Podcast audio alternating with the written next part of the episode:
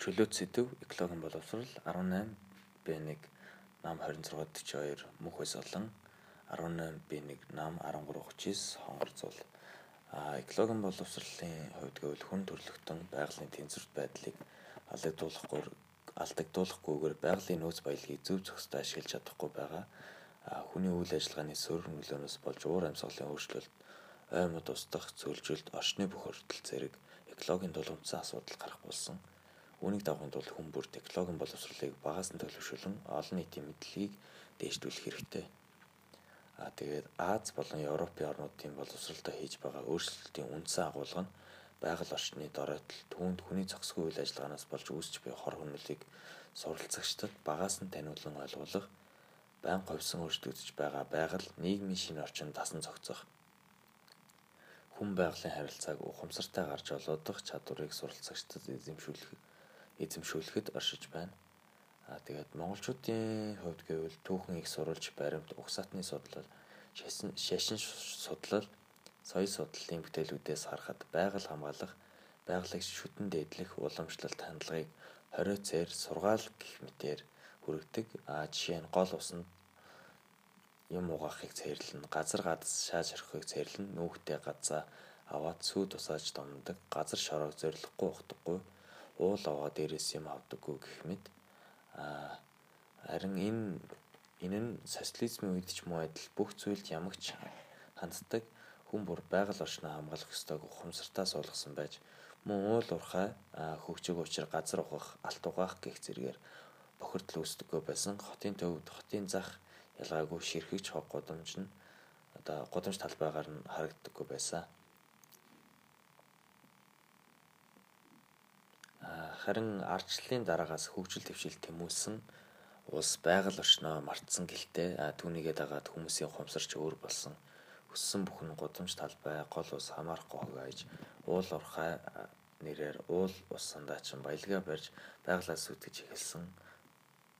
Тэгээд хөрсний бохирдлын зарим нэг их усруудээс дурдвал ил задгаа хайсан хотоо шингэн хог хаягдл түүхийн нүрс болон автомашины төлсний түвшний шаталтаас ялгарч байгаа химийн хортой бодисыг одоо газарт болох гэх мэт аа тэгээд ил задгаа бие засах байна. За ил задгаа хайсан хатуу шингэ хой хог хаягдлууд гэвэл Улаанбаатар хотод жилд дунджаар 210-аас 260 мянган тонн хатуу хог хаягдал үүсдэг.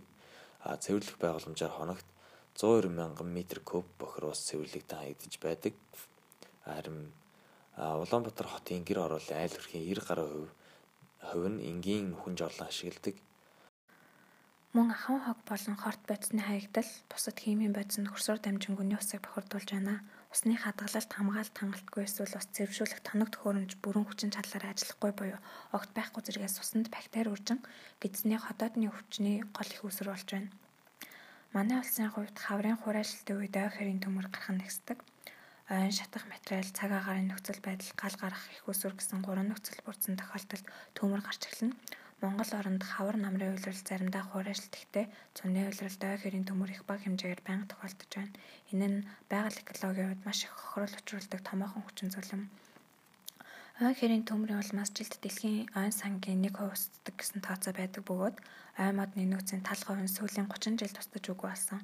Иймээс ой хэрийн төмөр нь олон улсын түвшинд яригддаг томоохон эрсдэл гэлээ. Үүсгэгч хүчин зүйлсийн хувьд аянга буух, галтуул дэлбэрэх, мод хоорондоо шүргэлцэх, сансар огторгын бит газар тунах, хүний санаатай болон санамсаргүй үйлдэл гэх мэт олон шалтгаан бий. Дэлхийд жил бүр 33 мянга гаруй төмөр гарч 500 мянган хүн өртөж нийт 20 тэрбум долларын хохирол учирдаг байна. Ойн хэрийн төмрийн 10 тохиолдлын 9 нь хүний буруутай үйлдэл байдаг. Энэ нь тамхи айл задгаа татах, шүдэн цай хаях, хагнуурын оч үсрэх гэх мэт.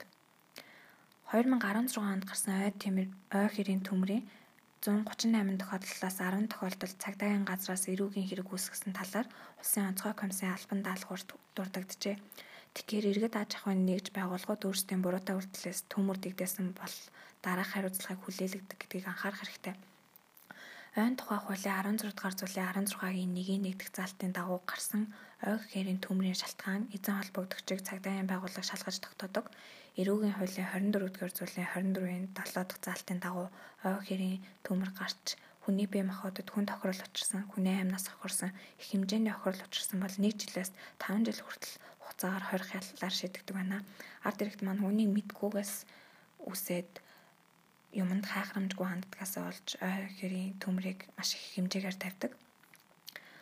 Манай орнд 1990-ад оноос хойш шийдэж байгаа боловсролын шинжилэл нь глобал орчинд амьдрах Монгол хүний эдийн засаг, эрх зүй, байгаль орчин, техник технологийн боловсролыг тасралтгүй нэмэгдүүлэхэд чиглэж байна.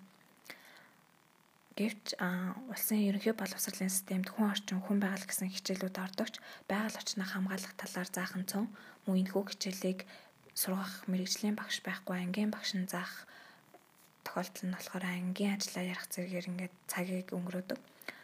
Зааж буй багш хичээлийн хөтөлбөр тэрхэн тусгаж зөв арга барилаар заахаа мэддэггүй. Гэр бүлийн зүгээс энэ хөө мэдээллийг олгодоггүй. Агуулга нь хэд онол талтай учраас сурагчдын анхаарал төвлөрдөггүй зэргээс энэхүү боловсрал манай орны хувьд их муу байгаа. Энэхүү асуудлуудыг давахын тулд ихтэй сургуулиудтай хамтран мэдлэг хуримтлуулж практик талдаа хичээлж эхлүүл сурагчдын анхаарлыг татна оролцуулж чадна.